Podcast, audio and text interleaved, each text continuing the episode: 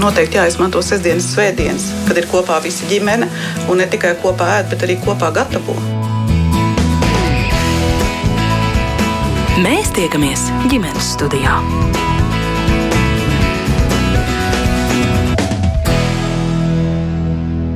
Labdien! Skanējumu sāk raidījums ģimenes studiju. Sveicina raidījuma producente Armīta Kolāte. Pie skaņu pults, lai mūs visus labi dzirdētu, ir Iveta Zvejniece, bet šeit studijā pie mikrofona es Agnese Drunka. Ikvienai ģimenei pastāv tomēr tāds risks, ka gaidāmajam bērnam varētu būt kāda ģenētiska saslimšana. Nē, nē, es negribu nevienu biedēt, un tomēr, kā zināt, ka pārim ir nepieciešama ģenētiķa konsultācija, kā tai sagatavoties, ko mēs jau šobrīd varam paredzēt par topošo un jau piedzimušo bērnu, izmantojot ģenētiskās analīzes, cik tās ir ticamas vai visiem vajadzīgas, un ko ar tiem iegūtajiem datiem pēcāk darīt. Un vēl viens tāds man šķiet diezgan svarīgs tieši šā brīža jautājums, vai tādas ģenētiskās analīzes mazuli gaidot šai mirklī, šai brīdī ir zināmā mērā modes lieta. Mēs uz sarunu par šo tēmu esam aicinājuši divas ārstes ģenētiķis. Ieva Grīnfelda ir no Bērnu Kliniskās Universitātes slimnīcas, un savukārt Liena Korņēja ir ārste no IVF Rīga klīnikas. Sveicināti! Labdien! un, protams, arī jūs, klausītāji, esat kā ar vienu laipni mudināti pievienoties mūsu sarunā. Nu, ne, ne gluži šeit klātienē, bet jūs varat uh, savus komentārus, viedokļus, savu pieredzi un noteikti arī jautājumus, zinot, ka mums studijā ir uh, divas ekspertes, uh, varat rakstīt, ieejot uh, Latvijas radio mājaslapā un adresējot tam raidījumam, kas šobrīd skan ēterā, un tas ir raidījums ģimenes studija, un sakot, ka divas ekspertes ir šeit studijā. Patiesībā Latvijā mēs jau šeit mm, pirms raidījuma noskaidrojām, ārstu ģenētiķu nav e, nu, tā, ka simtiem un tūkstošiem. Jūs mēģinājāt pabām saskaitīt desmit ārstu ģenētiķu aptuveni ir tā tādi, kas šobrīd praktizē un, un reāli Latvijā strādā. Jā, tā sanāk. Nu, Sāksim ar to, ka ģenētiķis dara ko un uh, ko nozīmē ģenētiskās analīzes, un tad vēl ir tāds vārdu salikums - ģenētisks skrīnings. Tas ir viens un tas pats, vai te mēs runājam par kaut kādām divām dažādām manipulācijām? Par kādām simts dažādām manipulācijām mēs runājam. Ģenētiķis ir izmeklētājs. Burtiski mēs strādājam par izmeklētājiem ģenētikas jomā, un ģenētika skar nu, biežāk to uzskata par tādu ekskluzīvu lietu. Tā kā ģenētiskās analīzes, piemēram, bieži netiek apmaksātas no apdrošinātāja puses, jo tā ir kaut kāda ekskluzīva lieta. Bet, ja mēs paskatāmies drusciņi no otras puses, tad ar ģenētiku saskaramies mēs visi. Mums visiem ir sava ģenētika, kas ir mantot no tēta un mammas. Mēs dabūjam to ierakstītu lielās grāmatās, un tad grāmatās ir iekšā recepts par to, kā uzbūvēt cilvēku. Un tad šīs receptes, grāmatas, nodaļas un viss kopā ģenētiskais materiāls ir mūsu pārziņā. Grāmatas tas, uh, pārnestā nozīmē. Grāmatas, es, nu, teiksim, mūsu valodā viņas sauc par chromosomām, bet tā kā Latvijā ļoti daudz bioloģijas stundās šai tēmai nepieskars, tad Mēs viņus saucam par grāmatām, runājot ar pacientiem. Tās ir chromosomas, tas ir mūsu chromosomu komplekss, ko mēs dabūjam pusīti no mammas, pusīti no tēta. Un eh, tad mēs rokamies tādīs grāmatās, šķirstam lapas, pārbaudam nodaļas un meklējam, vai tur nav kāda kļūda kāda kļūda ir mums visiem. Mēs visi esam mutanti, mums visiem ir ģenētiskas kļūdas, bet ir diezgan būtiski, vai viņas ietekmē vai neietekmē mūsu veselību. Mēs šodien raidījuma sākuma sadaļā vairāk mēģināsim fokusēties uz to brīdi, kad pāris gaida mazuli vai vēl gatavojas mazuļa ieņemšanai, un tad tām, tā ir laikā nepieciešamajām un vajadzīgajām uh, analīzēm jūsu iesaistēji. Nu, tad uh, šobrīd, uh, ja mēs skatāmies uz tādu Latvijas grūtnieci, kurā mirklī viņa sastopas ar uh, ģenētisko analīzi? Nu, tad, kad sieviete uzzina, ka viņa ir stāvoklī, viņa aiziet pie ginekologa, atrādīties, stāties uzskaitē. Un viņa var nokļūt augsta ģenētiskā riska grupā uzreiz atnākot uz pirmo konsultāciju. Kā? Piemēram, viņai ir vairāk kā 35 gadi, viņai ir riska grupa, viņai ir bijuši atkārtot spontāni aborti, viņai ir riska grupa. Viņai ir slimība, kas palielina risku, ka viņas bērnam varētu būt kādi iedzimti defekti, kā epilepsija, vai cukurdiabēts, vai fenilketonorija, vai viņai varbūt pašai ir operēta sirdskaita. Viņa ir riska grupa. Uh, tad viņi var nokļūt riska grupā vienkārši ienākot pa kabineta durvīm. Un ko tas nozīmē, ja es esmu šajā riska grupā? Ko tas nozīmē tālāk? Tad viņu nosūta uz padziļinātu ģenētisku izmeklēšanu. Viņai izmeklēšana grūtniecības laikā notiek pēc riska grupas algoritma. Ir zema riska grupa un augsta riska grupa. Nav tāda grūtniece, kura būtu bez riska grupa. Tas vienkārši neeksistē. Ir zems un augsts, un zems ir risks kā visiem, un augsts, kuriem ir risks, ir augstāks nekā parasti. Un šo augstu riska grupu, tātad viņai sonogrāfiju uzreiz taisa eksperts. Pirmā trimestra sonogrāfija 12 nedēļās, kur apskatās ne tikai auglīšu izmēru, bet arī skausta kroku, deguna kaulu. Tad veica šo riska pārreķinu, ņemot vērā sonogrāfiskos marķierus, Um, tātad tas ir risks, um, riska aprēķins uz biežākajām anēploīdijām. Tās Kas ir chromosomu skaita izmaiņām, tādām kā tas ir, nosaka, cik augsts ir risks uz Dauna sindromu. Nu, tas ir tas, ko, tā, ko, ko pēc krokas un deguna var pateikt Jā. sonogrāfijā. Jā. Un tad, ja ir tātad, tātad sieviete, varbūt viņa uzreiz jau nonāk pie eksperta, vai arī sākumā viņa var būt zema riska grupā. Un tad viņai uztaisīja sonogrāfists, sonogrāfists parastais, uztaisīja sonogrāfiju un, piemēram, atrada, kad ir liela skausta kroka, un tad viņa nokļuva augsta riska grupā. Tā kā var arī sieviete, kur sākumā bija zema riska grupa, nokļūt augsta riska grupā. Bet tad vispirms ir šī uh, sonogrāfija, un tad no tās rezultātiem skatās, kas ir jādara tālāk, vai tiek veikta šī padziļinātā ģenētiskā izmeklēšana. Ko tas nozīmē padziļināta ģenētiska izmeklēšana? Kas tajā sevi ietver? Mēs tik tālu neesam tikuši. Tātad Labi, ir, ir, tiekam līdz pirms, tam. Tātad ir sonogrāfiskais skrīnings, ko Latvijas valsts apmaksā visām grūtniecēm, un kas tā nemaz visur nav, bet mums ir tik, tik slikti mums nemaz nav. Tad mums ir pirmā trimestra bioķīmiskais skrīnings. Tās ir asins analīzes. Tās ir asins analīzes, kur nosaka divus hormonus, ko ražo placenta, papa un beta-HCG. Bet tas nav jāzina droši vien. Nu, tas jā. papa vai jā. Šī, visa, visi. šī visa schēma, tas ir, nu, viņa, viņa ir izveidota, viņa tāda ir nodota visiem ginekologiem un sievieti, kur atnāk uz konsultāciju, viņai nav iepriekš jāzina, vai viņa ir augsta riska grupā vai viņa ir zema riska grupā. Viņai ginekologs nozīmēs izmeklējumus pēc tā, kas viņai tajā brīdī pienāks. Ir šī schēma ir izstrādāta un atdota ārstiem lietošanai. Pacientam nav jānāk un jāsaka, man vajadzēja HCG analīzi pirms sonogrāfijas lūdzu. Nu, tas, būt, tas ir ginekologa kompetencē. Jā.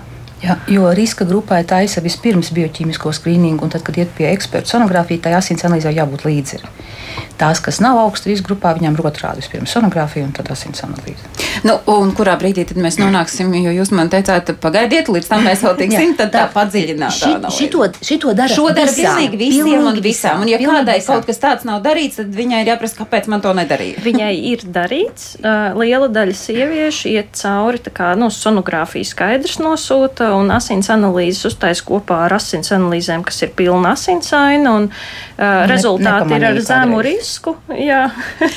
nu, un tad, ja jā. ir šis jā. risks augsts, mm -hmm. tad kas notiek tālāk? Ir tātad, ja ir, uh, tātad šeit var uzrādīties dažādi riski. Var, piemēram, parādīties, ka viņai ir, ir augsts risks uz 21. chromosomas trisomiju, jeb Dauna sindromu. Tad jautājums, vai tas ir tikai pēc, tikai pēc bioķīmiskā riska, kur arī ņem gadu risku, ka, kur ietekmē, un viņai ir laba sonogrāfija, vai viņai ir sonogrāfiskas izmaiņas, vai varbūt vai sonogrāfijā ir marķieri, tie ir tādas mazas niansītes, kas palielina risku, bet kas pats par sevi nav anomālija, vai sonogrāfijā redzams anomālijas. Tie atkal ir dažādi stāsti. Tāpēc par to pēc tā.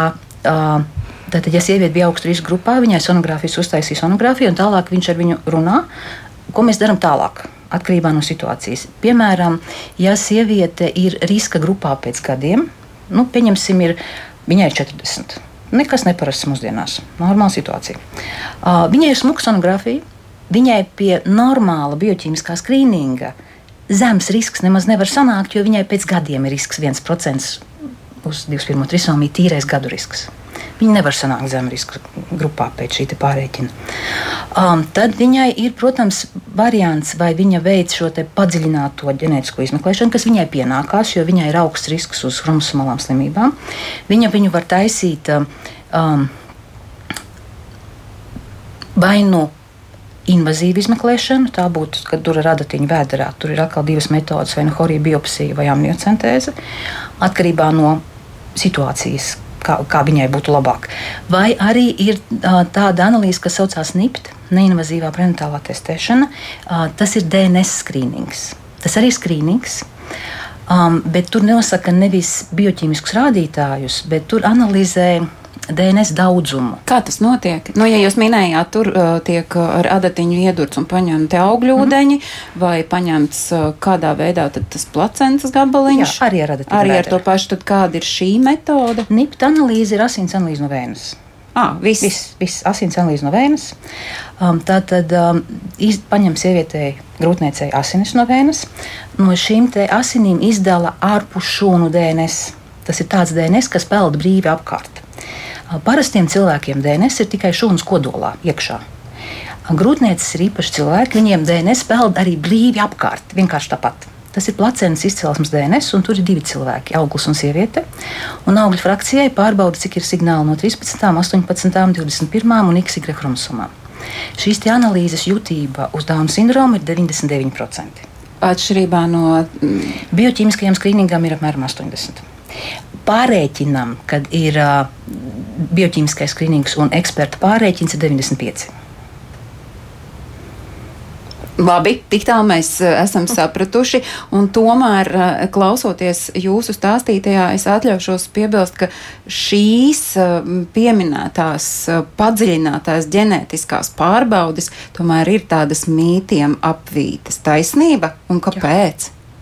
Un vai mēs to varam mazināt? Kāpēc ir nu, tādi iespējams stigmatizēt arī šī, šīs eh, padziļinātās analīzes? Es, es laikam par, eh, par mītiem pats uh, galvenais mīts un lielākais, ar ko mēs esam sastapušies un sastopamies katru dienu, uh, tas ir mīts par to, ka tika veikta izmeklējuma, bērniņam tika apstiprināta diagnoze, bet sieviete izvēlējās piedzemdēt bērniņu, viņš piedzima vesels. Šis ir laikam tas, ko ir visi dzirdējuši, un te ir ļoti būtiski atšķirt uh, tās divas lietas. Vai ir veikta šī padziļinātā izmeklēšana, vai tas ir skrīninga rezultāts. Jo ļoti bieži slikts, kā augsta riska skrīninga rezultāts tiek nodots pacientam ar tādu, uh, nezinu, ar tādu domu, re, skrīnings ir ļoti slikts, tā tad viss būs slikti. Un sieviete to bieži pārprot, saprotot, ka viņa bērniņam uztiek uzstādīta diagnoze, bet bioķīmiskais skrīnings to nespēja izdarīt. Tad, ja Bet, bērni... tad, principā šim bioķīmiskajam skrīningam būtu jāsako līdzi kādai no, no doktora sev iepriekš pieminētajām padziļinātajām pārbaudēm. Jā, jā risks, tikai jā. konkrēti apstiprināta diagnoze, taisot invazīvu izmeklēšanu, ir galēji apstiprināta diagnoze. Un arī pie, teiksim, tādī pārreikinā, ko doktors stāstīja, tur var parādīties risks 1 uz 4, kas ir ļoti augsts risks, ja 25%, un vienalga 3 no tādiem bērniņiem no četriem, viņiem neapstiprināsies šī diagnoze. Tas uh, ir būtiski zināt visām sievietēm, kad nāk uh, uz ģenētiķa konsultāciju, tiek nosūtīti cilvēki, un viņiem tas jau liekas kā spriedums pats par sevi. Viņi nāk ļoti sabijušies uz konsultāciju ar domu, ka nu, es taisīšu vaļā savus papīrus un izteikšu spriedumu, kurš sagraus viņu dzīvi. Bet jūs spriedumu vēl neizsakāt? Nē, mēs piedāvājam izmeklēšanas metodas, no kurām pacients pats izvēlas, vai viņš, viņš var atteikties veikt vispār izmeklējumus, viņš var izvēlēties kādu no piedāvātajiem. Uh, ir viens, tas izklausījās ļoti jauki par to invazīvo un nipt analīzi, vai ne? Izklausījās jauki par to, ka uh, nipt analīzē nu nav nekāda riska. Nu, jā, tev ir, tikai jāsins analīze paņem, jo par tām iepriekšējām divām, nu, ir dzirdēts, ka tur jā, arī ir riski, par to mēs arī mēs druscīt parunāsim, jā. Uh, bet nipt analīzē šobrīd Latvijā ir liels mīnus, tā ir maksas analīze un viņi maksā pāri par 200 eiro, un viņu neapmaksā. Nekādās indikācijās valsts šobrīd to neapmaksā. Tādēļ ir uh, pacienti, kuri to labprāt vēlētos darīt, bet viņi to nevar atļauties.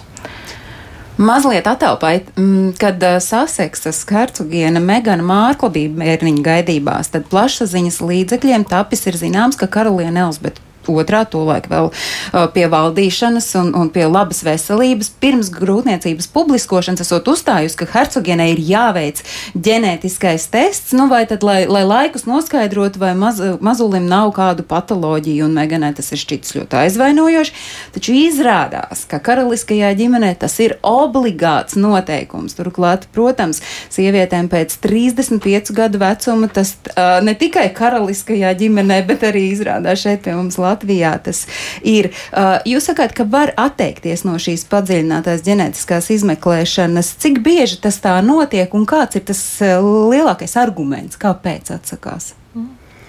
Um, nu, no NIPTA izvēlās neveikt niptu bieži tāpēc, vien tāpēc, ir maksas, ka tas ir maksas un dārgi. No invazīvas izmeklēšanas reizēm atsakās tāpēc, ka ir bail. Bail no pašas procedūras, bail no riska pazaudēt bērniņu. Uh, un ir sievietes, kas nādu nav ļoti daudz, bet kas iet apzināti atsakās no skrīningiem. Uh, ar domu, ka viņas pieņems bērniņu tāds, kāds viņš būs, un šis izmeklējums viņai neko nemainīs. Un tad viņa veic tos izmeklējumus, kas attiecās uz grūtniecības vadīšanu, bet par augļu veselību viņa teiksim, tā, nevēlas veikt specifisku izmeklēšanu. Mm. Viņai ir tādas tiesības. Mm -hmm. Jūs pieminējāt riskus. Nu, kādi ir tie riski?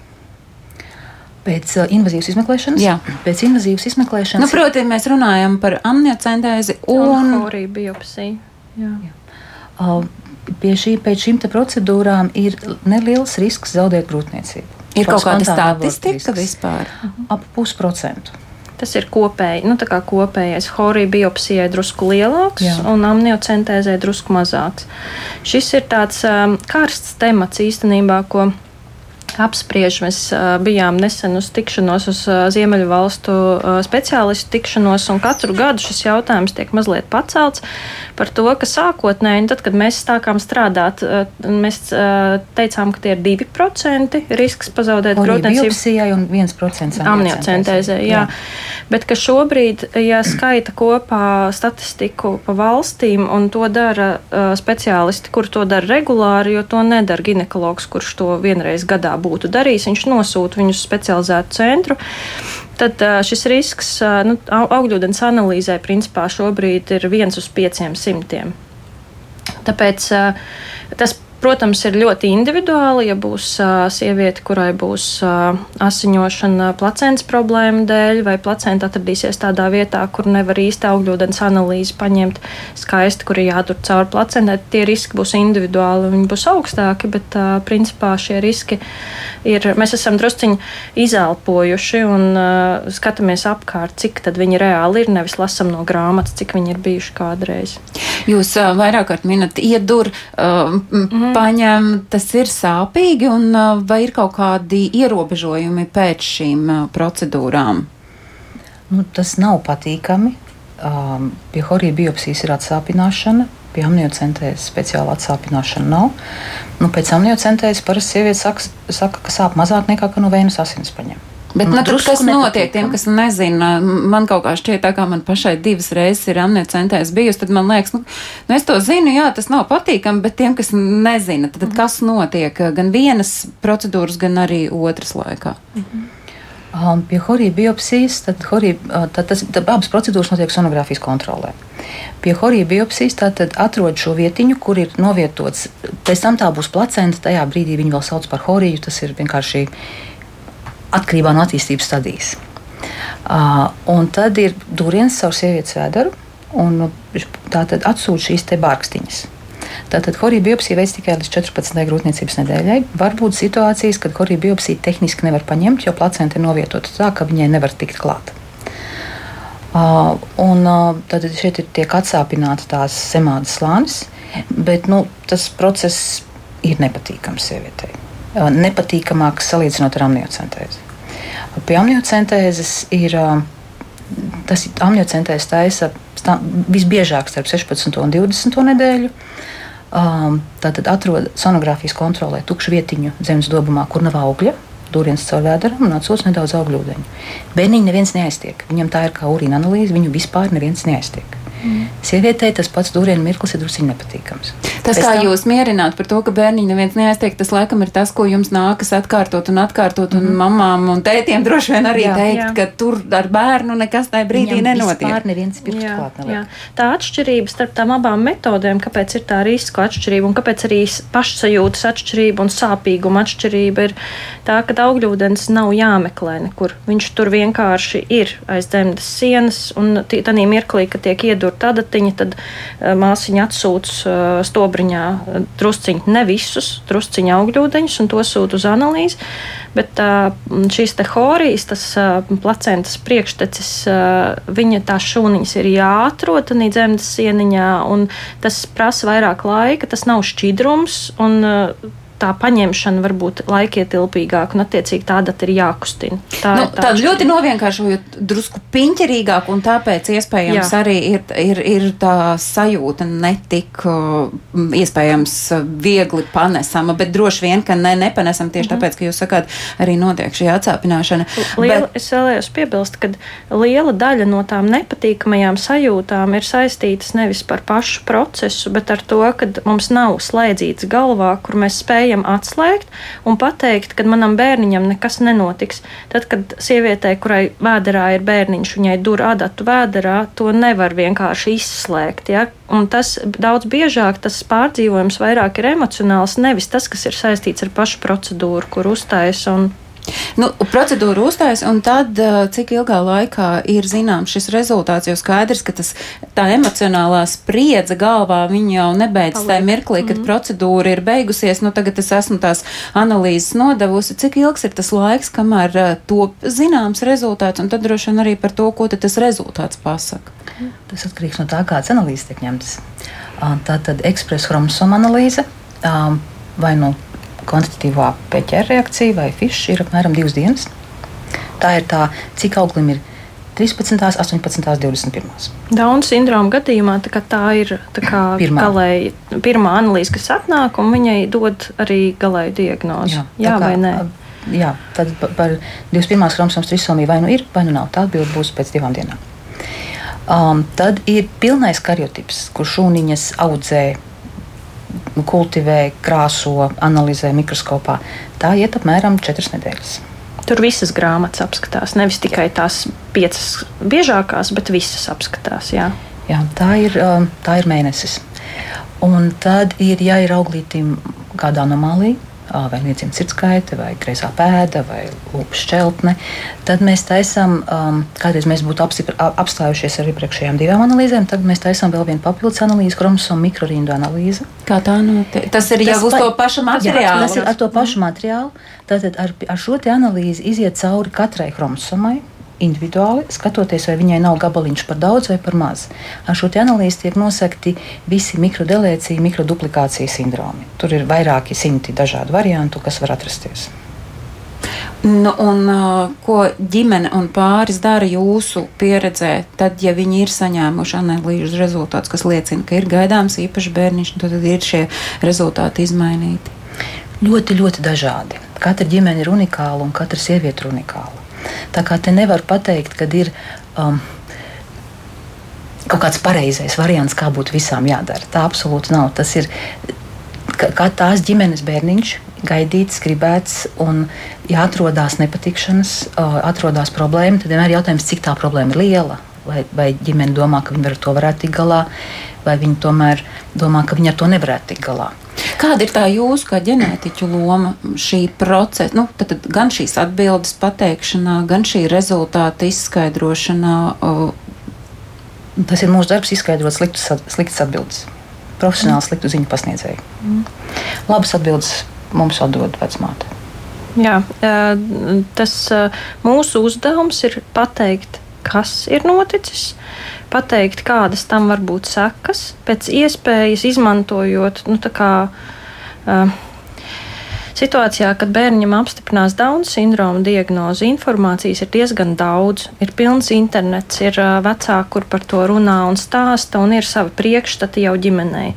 Tad, ja mēs runājam par kādu retu sindromu diagnozi, kas apstiprinās, nav nevienam nejausmas, ko tas nozīmē. Un tad tas mūsu darbs ir iedot visu, ko mēs varam savākt no savas pieredzes, no tā, ko ir pieredzējuši citi cilvēki pasaulē, un iedot vecākiem informāciju, uz kuras pamata balstoties viņi tālāk izlems, vai viņa grūtniecība turpinās vai neturpinās, vai viņa turpinās un, teiksim, dzemdības būs nepieciešamas lielā stacionārā uzreiz bērniņam palīdzot pēc piedzimšanas. Tā kā to plānu vecāki sastāda paši, un tas ir iespējams reizēm visgrūtākais lēmums, kāds viņiem dzīvē ir bijis jāpieņem jāpieņem, bet tur mēs nedrīkstam nevienu pirkstu pakustināt uz to vai uz šo variantu. Mēs nevaram rekomendēt rīkoties. Bet tie rezultāti šīm padziļinātajām analīzēm, padziļinātajiem izmeklējumiem, tie jau nāk ar diagnozi vai tomēr Jā. tie jau ir ar diagnozi? Jā. Jā. Nu, tālāk, kā ģenētiķis viņas izskaidro ģimenei, ko tas rezultāts nozīmē. Tad nav tā, ka tie ir tikai kaut kādi cipari un ka vārbūtība, ka būs tā vai šitā. Tur, Nē, tur ir vai nu divas 21. chromosomas šūniņās bērnam, vai trīs vai nu ir Dauna sindroms vai nav. Ir mums nu, ģenētikā ir ļoti daudz dažādi varianti, kur ir sarežģīti saprotami, par kuriem ir maz informācijas, uh, mozaīkas varianti, kas ir uh, galvas sāpju cēlonis ģenētiķim. Bet, Ko tas uh, nozīmē mozaīkas varianti? Tas nozīmē to, tās galvas sāpes? Jā, tas nozīmē to, ka, piemēram, bērniņam paņēma augļūdens paraudziņu un tika pārbaudītas simts šūnas, un no 100 šūnām 60 šūnās ir Dauna sindroms, un 40 šūnās nav. Un ko jūs darāt ar to? Stāstam to pacientam. Un ko tas nozīmē? Tas nozīmē, ka bērniņam būs kādi orgānu sistēmu traucējumi, un iespējams viņi nebūs tik spilgti izteikti kā bērniņam, kuram visās šūnās ir izmaiņas, bet to nav īsti iespējams pateikt pirms bērniņš ir piedzimis un attīstās un aug. Eh, un eh, tur mēs izmantojam ultrasonogrāfiju, kā, lai saprastu, piemēram, vai sirdskaita būs vai nebūs, kam gatavoties, jo tas var ietekmēt bērniņa dzīvi ilgi. Viņam var būt intelektuāli laba attīstība, bet varbūt smaga sirdskaita, kuras dēļ viņš neizdzīvo pēc piedzimšanas.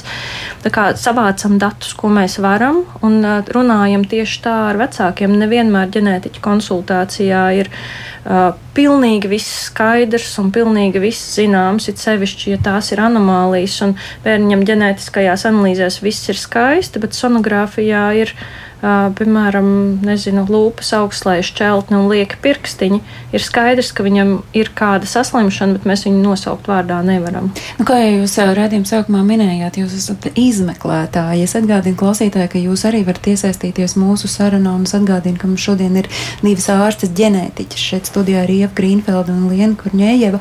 Un uh, mēs līdz šim fokusējāmies uz to laiku, kamēr mazulis ir puncija. Uh, tad, kad viņš piedzimst, vai un kad jaundzimušajiem ir nepieciešamas ģenētiskas analīzes, padziļināt ģenētisku izmeklēšanu. Jo skaidrs, ka tad, kad mazulis piedzimst, tad neviens nemetās uzreiz viņu ģenētiski pārbaudīt. Metās, metās tieši oh. Uh, tas visi... ir atkal tas, ko uh, mammai, kurai nu, nācis pasaulē mazos, arī nemaz nav jāzina. Visticamāk, uh, es teiktu, ka būtu jauki, ja viņa zinātu, nu, tas, tas ir, tā ir tāda lieta, kur uh, zināšanas par to, kādēļ notiek šī izmeklēšana, varētu pasargāt pēc tam vecākus no daudz nervu šūnu pazaudēšanas, ja atnāk kāds izmainīts rezultāts. Visiem bērniņiem, kas piedzimst Latvijā, vienalga kurā slimnīcā, arī mājās, tiek veikts jaundzimušo skrīnings, kas nozīmē, ka bērniņam no papēža paņem dažus asins pilītus uz filtra papīriņa, un no šī filtra papīriņa tiek izmeklēts vairākas ģenētiskas saslimšanas, kuras nevis mēs vienkārši savas intereses pēc gribam uzzināt, bet ja mēs atrodam kādu no viņām ir konkrēts plāns, kā rīkoties tālāk, un daļai no viņa viņām šī agrīnā atrašana dod iespēju bērniņam dzīvot pilnvērtīgu dzīvi tālāk, tādēļ, ka tā ir atrasta pirms vēl ir sākušies jebkādi simptomi. Bet eh, tā ir tā analīze, kas uzreiz nosaka diagnozi, vai tomēr Nē. šeit arī tas ir skrīnings? Tas ir skrīnings. Jā, to sauc par jaundzimušo skrīningu. Skrīnings tādēļ, ka tam iziet cauri visi jaundzimušie. Un šim skrīningam mērķis ir atrast tā, tādus bērniņus, kuriem varētu būt šī saslimšana. Un pēc tam apstiprinošās analīzes tiek taisītas tālāk ģenētikas klīnikā. Es tieši vakardien tikos ar mammu, kuras dēlam šobrīd ir trīs gadi, bet to, ka viņas mazulim ir nepieciešams veikt padziļināts ģenētiskās analīzes, viņa ir uzzinājusi ļoti īsu mirkli pēc tam, kad mazulis ir nācis pasaulē. Tagad mums visiem kopā ir iespēja noklausīties šīs mammas pieredzes stāstu. Uzreiz jau kā dēliņš piedzima turpat. Um, slim, Jurmālas slimnīcā. Es neatceros, vai tas bija pēdējais vai tas bija neonatologs. Nu, noteikti nav nozīmes. Pēc ārējām pazīmēm dēliņa nu, ieteica konsultēties tālāk ar ģimenes ārstu vai, vai nu, un pēc tam jau viņai ir aizdomas par pēc ārējām pazīmēm, ka tas varētu būt kāda veida sindroms. Nu, viņam bija specifiski, viņš bija tāds slaids, garš un uh, gariem slaidiem pirkstiem un, uh, un ļoti tādām elastīgām locītavām. Kā, nu, kas nav tipiski jaundzimušajiem. Un tīri pēc tām ārējām pazīmēm ieteica tālāk konsultēties ar ģimenes ārstu. Tālāk konsultējām ar ģimenes ārstu. Un, uh, Vai tad vēl bija tieši pandēmijas laiks, un viņa mūs pierakstīja rindā pie ģenētiķa, bet nevarēja uzreiz tikt tā.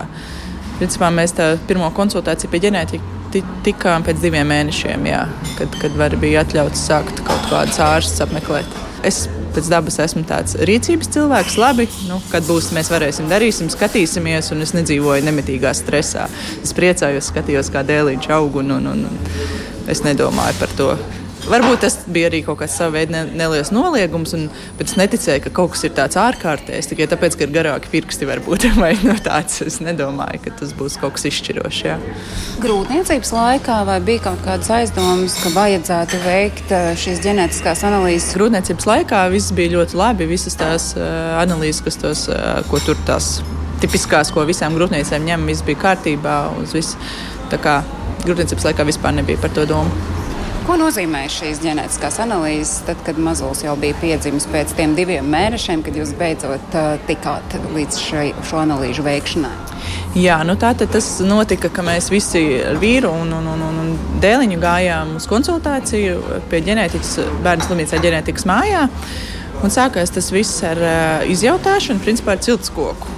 Un, vai kādas mēs zinām, kādas ir, nu, cik tālu mēs varam iedomāties ciltskokā, kādas ir bijušas slimības, kādi ir ārējie izskati bijuši, visādas pazīmes ārējās.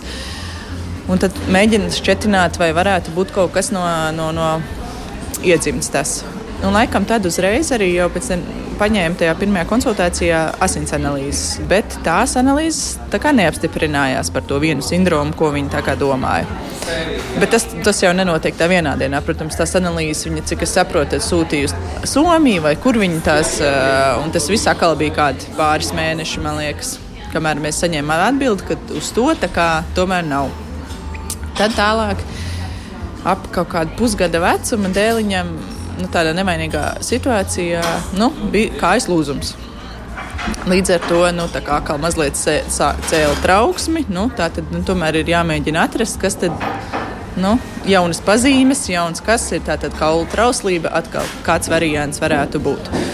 Un, nu, un tajās nākamajās analīzēs, atkal, jau tas bija atkal divu, trīs mēnešu garumā, kamēr tas viss tika noskaidrots, nu, kad ar lielu ticamību atklāja, kura kā, gēns vai kas ir genoms, es precīzi neteikšu, ir vainīgs. Un ar lielu ticamību, kad ir līdz ar to mēs uzsaka, nostādām tādu diagnozi. Nu, Un tā kā it kā bija skaidrība par to, nu, kas, tad, kas tad ir. Man, mums bija ļoti laba ģenētiķa. Mums tiešām konsultācijās ārkārtīgi jauki viss izskaidroja, kas tiks darīts, kā mēs tur darām.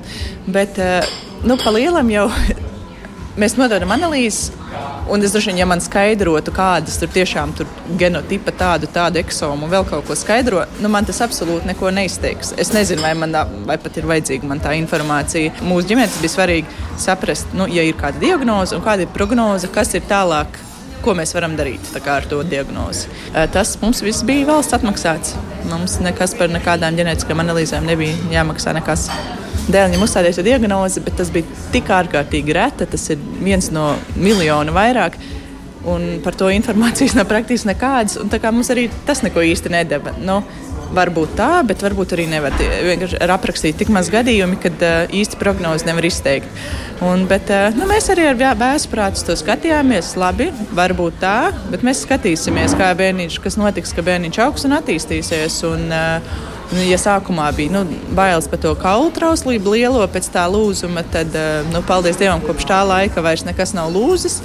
Un, jā, viņš ir varbūt tievāks, trauslāks, Nu, protams, man kā mammai izņem skrienu ar spilvenu pakaļ visur. Nu, bet uh, mēs skatāmies dienu no dienas un redzam, ka nu, nav tas trakākais variants, kas varēja būt. Tagad ar tādu savu šā brīža pieredzi un zinot, ka virkni dažādu analīžu vari veikt pats, ja tev ir kādas aizdomas un ir sajūta, ka varbūt man vajag sirds mieram, sirds drošībai, kā jūs no sava skatu punkta raugot, jūs ieteiktu pārdomāt, veikt dažādas analīzes, ģenētiskās analīzes arī tad, nu, ja nu, nav tāda. Neviens no malas nesaka, ka to tā vajadzētu darīt. Es domāju, ka nē. Uh, jo es arī to runājot arī ar ģenētiķi, viņi arī ir tāda paša nostāja. Jo, ja tu paņemsi teiksim, pliku nezinu, rezultātu, un uh, tev neviens varbūt neizskaidros, kas tas ir, Nu, jā, nu, protams, tipiski nedod Dievs, tu paskatīsies kaut kur internetā informāciju, ja tu neesi teiksim, ar medicīnu saistīts. Tad tu redzēsi, piemēram, tam, tam, tam tādu diagnozi. Nu, principā var jau norakstīt bērnu apmēram. Uh, Bet tu nekad nevari zināt, kurš, kā, cik smaga tavam bērnam būs izpausme. Varbūt tas ir pats vieglākais variants. Varbūt tas, nu, es uzskatu, ka, ja neviens to ne, kā, nemudina darīt, nu, nav pašam savu galvu noteikti tas nav vajadzīgs darīt, jo tās variācijas, kas varētu būt, nu, ir ļoti, ļoti daudz. Kā man ģenētiķi teica, nu, praktiski, ja mēs šobrīd paņemtu jebkuru cilvēku uz ielas, nevienam nebūtu perfekts gēns, nebūtu neviens tādam, kur nebūtu kāda mutācija. Un, ja paši pēc savas galvas to sāks interpretēt, tad visi būs principā liekami jau ratiņkrēslā, slimnīcā un vēl visur. Kur. Paldies mammai par viņas pieredzi stāstu. Man žēl, ka klausītāji jūs neredzējāt, kā man eh, šeit studijā divas eh, ārstas ģenētiķis, kā tādi izmeklētāji klausījās šo pieredzi stāstu un mēģināja noķert, vai mēs spēsim saprast, par kādu diagnozi ir stāsts. Bet eh, nu, šis ir mammas pieredzes stāsts. Cik bieži jūs ar tādiem sastopaties? Bieži tas ir stāsts par medicīnisko odiseju, kad uh, viņai vēl viņa nebija gara ir cilvēki, kuri ar neskaidru diagnozi gadiem un gadu desmitiem iet pie viena, otra, trešā, ceturtā, piektā, deviņpadsmitā un divdesmitā ārsta, un joprojām viņam nav diagnozes. Ja, tā kā um, tā ģenētiskā diagnoze vienkārši beidz to ceļu. Cilvēki reizēm, lai cik nebūtu briesmīga diagnoze, reizēm vecāki ir vienkārši pateicīgi, ka mums vismaz nav tālāk jāmeklē, mēs ar šito tagad mēģināsim sadzīvot ģenētiskā diagnoze dod uh, apmēram atkarībā no cik ir pieejama informācija par šo slimību. Kas gaidāms tālāk, ļoti rupjā apmēram, jo pat ar vienu sindromu ir izpausmu spektrs. Pat ar 21. chromosomas trisomiju ir cilvēki, kas dzīvo vairāk kā 50 gadus bez jebkādiem struktūras defektiem un ir uh, pielāgojās sabiedrībai, un ir bērniņi, kas piedzimst nedzīvi. Un tā ir tā pati diagnoze ir spektrs. Un par šiem ļoti retajiem sindromiem bieži vien tā informācija ļoti ierobežota. Vienkārši nav datu. Ja, kā, kā būs katram konkrētam cilvēkam, kā tas viņam izpaudīsies, mēs nezinām iepriekš. Ja, bet nu, apmēram, ko gaidīt tālāk, um, atkārtošanās risku. Un atkarībā no problēmas smaguma pakāpi, tad viņi domā, viņi, kā viņi plānos nākamo bērniņu. Vai viņi ies cauri dabisku grūtniecību un pārbaudēm grūtniecības laikā, vai varbūt viņi ies cauri ārpusķermeņa apaugļošanu un veiks ģenētiskās analīzes embrijiem. Jo tur savukārt, tā, ja mēs, tagad, jo mēs visu laiku fokusējāmies uz dabisku grūtniecību un, un bērniņu pasaulē nākšanu, tur šīs ģenētiskās analīzes ir, ir vien, vieni noteikumi. Savukārt, tad, ja runā par ārp, ārp, ārpus zemes apaugļošanu, tad mēs runājam jau par tiem izmeklējumiem vēl citos līmeņos. Jā, bet ir jābūt tam pirmajam, tam ģimenei, tam cilvēkam ar problēmu, viņam ir jābūt ģenētiskai diagnozei. Ja viņam ir, piemēram, es nezinu, viņam ir attīstības aiztur tam bērnam, un viņam nav ģenētiskas diagnozes. Iemesls nav zināms. Nevar neko pārbaudīt. Mēs nezinām, kuru siena kaudzi pārmeklēt, kurā gēnā kāda ir problēma. Ja nav diagnoze, tam slimajam bērnam. Neko nevar, atkārtošanās risks nav zināms, neko specifisku pārbaudīt nevar. Ja ir ģenētiska diagnoze, tad viņiem pavarās izvēles iespējas, vai caur dabisku grūtniecību, analīzēm grūtniecības laikā, vai caur ārpusķermeņa apaugļošanu un analīzes embrijiem. Šī daļa atkal nav valsts apmaksāta embriju analīzes. Bet tad viņiem, ja viņi izvēlās šo ceļu, tad viņiem nav jāiet caur medicīnisku abortu, kas arī nav nekas jauks. Nu, šobrīd šīs ģenētiskās analīzes, nu, piemēram, es palasu un paskatos, ir pilns internets ar dažādiem reklāmas saukļiem šeit pie mums Latvijā, ka mēs veicam īpašas ģenētiskās analīzes, pārbaudi sevi, ģenētiskās analīzes, slimību, riska faktoru novērtēšanai, prevencijai. Piesakies tagad, veids vienreiz dzīvē, cilvēka DNS dzīves laikā nemainās. Vai šis nostrādā un vai mēs varam teikt, ka, nu, principā, jebkurā vecumā šobrīd mēs tie, kuri, tiem, kuriem ir rocība un var atļauties šīs analīzes veids, ko jūs par to sakāt? Vai mums varbūt tiešām visiem vajag uztaisīt tagad šī, šo padziļināto ģenētisko izpēti, lai tad, fuh, sirds mieram, es zinu, man tur tas. Sirds mieram. sirds mieram. es atvainojos. nu, ir ļoti dažāda līmeņa analīzes. Ja mēs Bet kas teiksim, jums lika apsmieties? Man liks, lika apsmieties tas, ka cilvēki, kuri iet uz šādām vispārējām, pilnajām, tā kā viņas nekad nav pilnas analīzes, viņiem nav ne jausmas, ko viņi uh, iegūs atpakaļ ir lietas, kuras viņi var iegūt atpakaļ, kuras ir nu, dzīves kvalitāti neierobežojošas. Ja teiksim, informācija par to, kā man kafija pārstrādājas, vai es tur uzreiz esmu toksisks efekts man no viņas, vai man neviena acī nebūs no kafijas krūzītes. Nu, pa lielam tā ir tāda, tās ir tādas ģenētiskās analīzes priekš spēlēšanās cilvēkiem. Bet jūs gribat teikt, ka ir arī cilvēki, kur izvēlas šādu, šādu mērķu jā, vadīti, veikt ģenētiskās jā, analīzes? Jā, nu, jūs teicāt, ir, ir nu, tā kā gribas kaut ko, es nezinu, uzzināt. Uh, iepazīt sevi to jau, labāk. To jau īstenībā, nu, kā es pacientiem saku, viņi ļoti labi zina, kas notiek viņiem pēc kafijas izdzeršanas. Ja viņiem gribas, lai viņiem ir analīzē, tas uzrakstīts, ka viņiem tas tā notiek. To var izmantot citiem, nu, tur viss kaut ko viņām var darīt, bet tā ir priekš spēlēšanās. Un to tādas analīzes klīniskie ģenētiķi nemīl uh, komentēt, tādēļ, ka tā ir tiešām tā kā rotaļu istaba. Bet starp tām uh, rotaļu analīzēm mēdz būt arī tādas, kurām ir graujošas sekas gan uh, uh, kāda slimība prognozē, gan tādā, kā cilvēks dzīvos tālāk savu dzīvi. Piemēram, pirms kāda laika bija brīvi pieejama analīze, kur cilvēks varēja aiziet un noskaidrot, samaksāt arī nelielu naudas summu un noskaidrot, vai viņam ir Alzheimer slimības risks. Kā jūs domājat, kā, kā ir dzīvot cilvēkam, kuram ir atnākusi ģenētiska atbilde, kur ir rakstīts, ka viņam ir paaugstināts risks Alzheimer slimībai? Vai tas kaut ko viņam dod pozitīvu, nu, vai viņš kaut kādā veidā var to risku novērst, pie kam tā analīze nesaka jā vai nē. Viņi saka vienkārši, risks nu, jums varētu būt, un jums ir mazāka iespēja būt. Bet tas, kā cilvēki uztver, mums ir problēmas ar, arī ar analīžu rezultātu uztveršanu. Piemēram, ja cilvēkam atrod, ka viņš ir mutācijas nesējis vājdzirdības gēnā, kas latviešu populācijā ļoti bieži ir, viņam tas klīniski nekādi neizpauž. Viņam nav vājdzirdības, bet viņš, to, viņš sevi mēdz nostigmēt, ka viņam būs vājdzirdība tādēļ, ka viņam ir šī mutācija. Tādēļ pirms tiek plānotas ģenētiskas analīzes, būtu Ideālā gadījumā būtu laba ģenētiķa konsultācija, lai izietu cauri ciltskoku datiem, noskaidrotu, vai cilvēkam ir, būtu nepieciešama, piemēram, ir iespējams noskaidrot uh, predispozīciju uz audzēju veidošanos, ko viens cilvēks gribēs zināt, otrs cilvēks to negribēs nekad zināt. Un, uh, Tanī mirklī, kad viņš par, nezinu, 200 eiro nosūta savu puļķīti no mutes gļotādes uz kaut kādu laboratoriju, kaut kādai pilnai analīzē, viņam tur iespējams atnāks lietas, kuras viņš nebūtu gribējis nemaz zināt.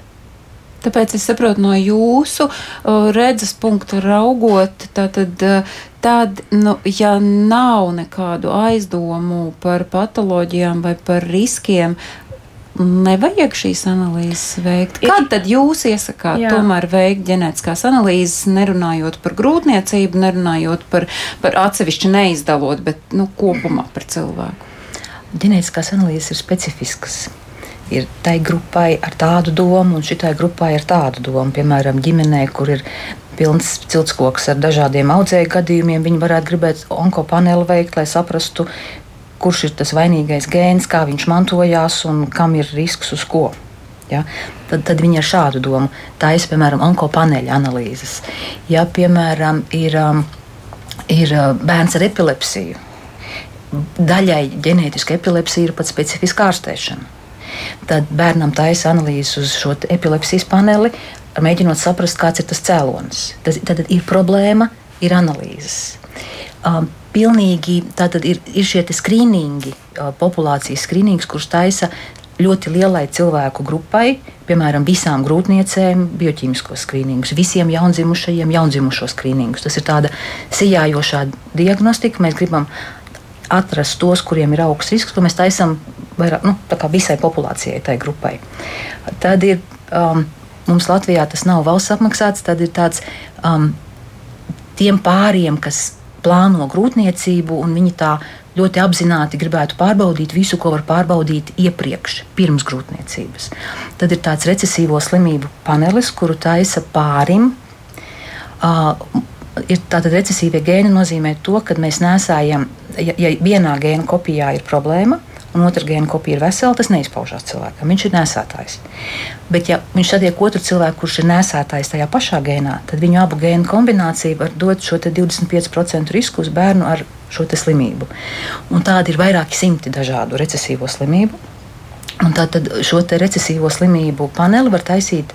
Uh, pāris, kuri plāno grūtniecību. Viņi principā ir veseli cilvēki, bet viņi gribētu zināt, vai viņiem ir risks, piemēram, uz bērnu ar cistisko fibrozi vai spinālo muskuļu atrofiju, vai tur ir daudz variantu. Tas ir populārāks uh, populācijās, kur ir radniecisks laulības izteiktākas. Mums ir, mums ir apmēram tas pats, kas visiem citiem. Mums nav, ka kaut kas būtu daudz vairāk nekā citiem, bet mums ir tas pats, kas visiem citiem. Vaidzirdība mums nu, ir. Nu, vaidzirdība, jā. Jā, jā, vairāk, jā. No, droši vien aktuāls jautājums. Jūs jau pieminējāt, tas ir par maksu, tas ir bez maksas. Vispār ir iespējams nu, tā ļoti koncentrēti pateikt, kuros gadījumos ir jāmaksā un kad tas ir bez maksas. Jo mēs dzirdējām māmas pieredzes stāstā, Tad, kad tiek meklēta jau diagnoze, tas ir bezmaksas. Ja tā ir mana tāda iegriba un, un vēlme, tad tas noteikti ir maksas. Bet arī tad, ja tā ir nepieciešamība, mēdz būt gadījumi, kad tie vienalga ir uh, maksas. Tā tad valsts apmaksā uh, ir uh, ģenētiskos izmeklējumus pacientiem pēc indikācijām rindas kārtībā. Tā tad ir zīdaiņi, epilepsijas, aizdomas par vilmaņas saslimšanām, slimības ar augstu pēkšņas nāves risku. Viņas ir augstākā prioritāte. Un tie cilvēki, kas ir vecāki, viņiem tas problēmas nav tik. Viņas ir problēmas tam cilvēkam, bet viņas nav tik augstā prioritātē. Viņi gaida rindā. Un tā rinda var būt vairāki gadi. Un tad ir cilvēki, kuri izdomā, ka viņi negrib gaidīt rindā, un viņi taisīs šīs analīzes par maksu. Nu, tā analīze viņam būtu valsts apmaksāta rindas kārtībā. Pēc laika tikai. Jā, jā.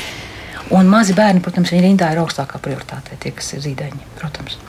Nu, viela pārdomām, un te ir droši vien jāsaprot, kad tiešām nevajag lieki sevi satraukt un tērēt naudu šīm analīzēm, kad tas ir nepieciešams, kad var pagaidīt, kad nē. Paldies arī klausītājiem, kur šoreiz iesaistījās un nolasīšu Lienas vēstuli, kur raksta, ka mūsu, viņi saka, paldies par šo sarunu un ka viņa ģimenē aug bērniņš ar Dauna sindromu un esam laimīgi esot kopā ar viņu, priecājoties par viņa salīdzinoši mamma liek pēdiņās normālo attīstību. Mums arī to noteikti noteica amniocentēs rezultātā, bet patiesībā viņi saka, man piezogas doma, ka iespējams analīzes tā ir tikai tāpēc, lai samazinātu īpašos bērnus. Mums arī ieteica pārdomāt va, un padomāt, vai mēs tiešām vēlamies tādu bērniņu paturēt, bet šobrīd baudām svētību tieši caur viņu. Un savukārt Normons saka, cik tad izmaksā valstī invazīva izmeklēšana, ja reiz šī nipa izmeklēšana augļa zaudēšanas risks ir nulle, tad par ko mēs vispār šeit spriežam? Tātad, nu, iespējams, ka mēs nonāksim kādā brīdī, kad arī jūsu pieminētā NIP procedūra būs, uh, šī izmeklēšana būs valsts apmaksāta? Jā, mēs ļoti, es ļoti personīgi gaidu šo brīdi, kad vismaz būtu kādas grupas, kuras, kurām būtu apmaksāta NIP tests. Uh, problēma ir uh, tāda, ka šī NIP testa cena, tad, kad NIP tests tika izgudrots, bija tik augsta, ka visā pasaulē domāja, ka viņi nekad neaizies klīniskajā praksē. To nevarēja apmaksāt cilvēki. Bet tehnoloģijas attīstās strauji un konkurence aug, tā kā NIP testa analīzes taisīšanā, un cena krītās. Ja mums pirms, es nezinu, sešiem gadiem tie bija, cik tu teici, 700. 790 plus par kur ir atsevišķi. Jā, tā kā tā bija cena vienai NIP analīzē, kurai atļauties viens cilvēks mēnesī. Mm -hmm. Tad šobrīd tā cena krītās, un viņa ir jau šobrīd sasniegusi, ir jau sasniegusi to robežu, kad mēs uzskatām, ka tas būtu arī finansiāli izdevīgāk taisīt NIP analīzi konkrētās situācijās. Un es paldies Normundam par, par komentāru. Jā, tas ir tas, par ko šobrīd tiek aktīvi diskutēts. Un es ceru, ka būs dzirdīgs auss un ka tas tā notiks.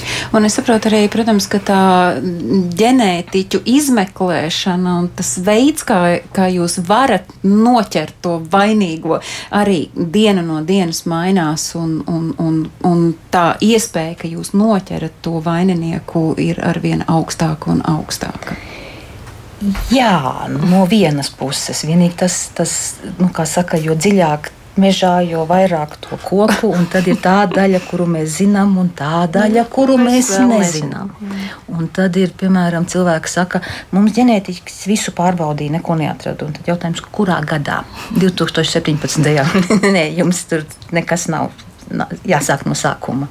Nu, tā tas ir laikmatā, kad viss tomēr tik strauji attīstās. Es saku paldies um, mūsu šodienas uh, viešņām ekspertēm, ārstēm, ģenētiķēm, Ievai Grīnfeldē no Bērnu klīniskās universitātes slimnīcas un Lienai Kurņēvai no uh, IVF klīnika Rīga. Paldies jums, klausītāji, ka bijāt šoreiz kopā ar mums. Es atgādinu, ka par šo raidījumu rūpējās Armīta Kolāte, Iveta Zvejniece un pie mikrofona šeit studijā bija es Agnes Drunka. Rītdien, ui, kāds mums temats rītdien, rītdien Šodien mēs šeit par to, kā pieņemt un sadzīvot ar savu bērnu zaudējumu. Tas ir tas, par ko šeit mēs runāsim no diviem līdz trījiem. Klausieties mūs arī podkāstos, mobilajā lietotnē un, protams, sekojiet ģimenes studijai sociālajos mēdījos. Paldies un lai jauka atlikusī dienas daļa! Atā.